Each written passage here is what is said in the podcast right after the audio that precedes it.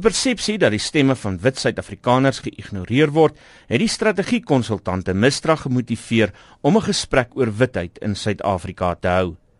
'n Broodnodige gesprek het die hoofspreker, oud-president Kgalema Motlanthe, gesê. One can only hope that this engagement will serve as an entry point for the emergence of a multiplicity of voices reflecting the full spectrum of our nation seeking to confront historical import of the ideology of whiteness from different angles. Die geskiedenis dui op eeuelange wit bevoordiging, sê die adjunkminister van Samewerkende Regering en Tradisionele Sake, Andrius Nel. En ek dink onder dem demokrasie het daai geprivilegeerde posisie eintlik nog verder uh, gevorder en dat dit nodig is om die struktuur van ons samelewing te verander ten behoewe van almal. Maar nie almal wou dit glo nie.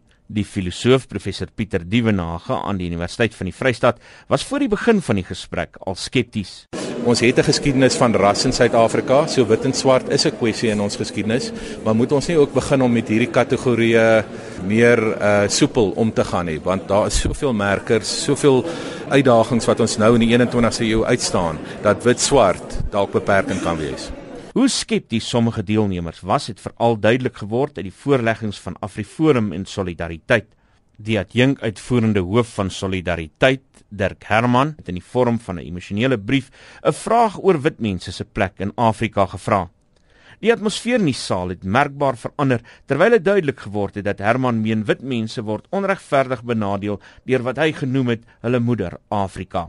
Volgens Herman reduseer die gesprek sy identiteit. Ek word aangebied as 'n wit persoon en die gesprek gaan oor whiteness.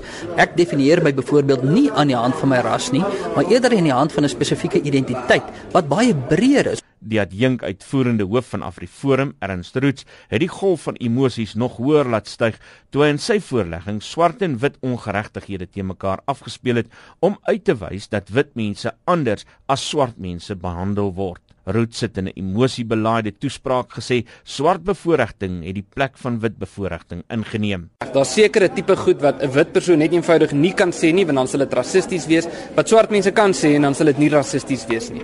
'n Groot deel van die gehoor het hierop na hulle asem gesnak terwyl sommige mense intussen werpsels laat blyk het hulle kan hulle ore nie glo nie. Yasmin Rabic het vanuit die gehoor laat weet dat sy die twee voorleggings as onsensitief beskou. I want to have feeling for your story, but it's very hard. It's very hard.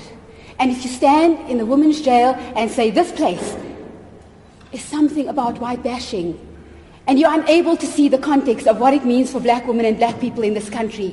You are devoid of empathy and compassion, and therefore it makes it impossible for me to feel for you. And if you want me to feel for your white stories, for your women who have died in, in prisons and concentration camps, then show one iota of feeling for what your people have done on this land. Maar te midde van die hoogdrama het stemme van redelikheid ook opgeklink. Die Universiteit Stellenbosch se waarnemende visierektor en dekaan van die fakulteit teologie professor Nico Koopman meen die gesprek slaag tog daarin om belangrike aspekte oop te breek. Die ANC strydros Matthew Sposa dink ook nie die ernstige meningsverskille is negatief vir die groter gesprek nie. You should accept that uh, if you organize a conference like this one, you will have different feedbacks from the ground. And the two speakers, one from Solidarity and the other one from um, AfriForum, provoked uh, people because uh, they dig deep into the blood and flesh of Africana history. And it's healthy that we balance their input with input of the majority of the Afrikaners who says, you know speaking for me. Dit was die ANC politikus Matthew Sposa. Ek is Isak Du Plessis vir SABC nuus.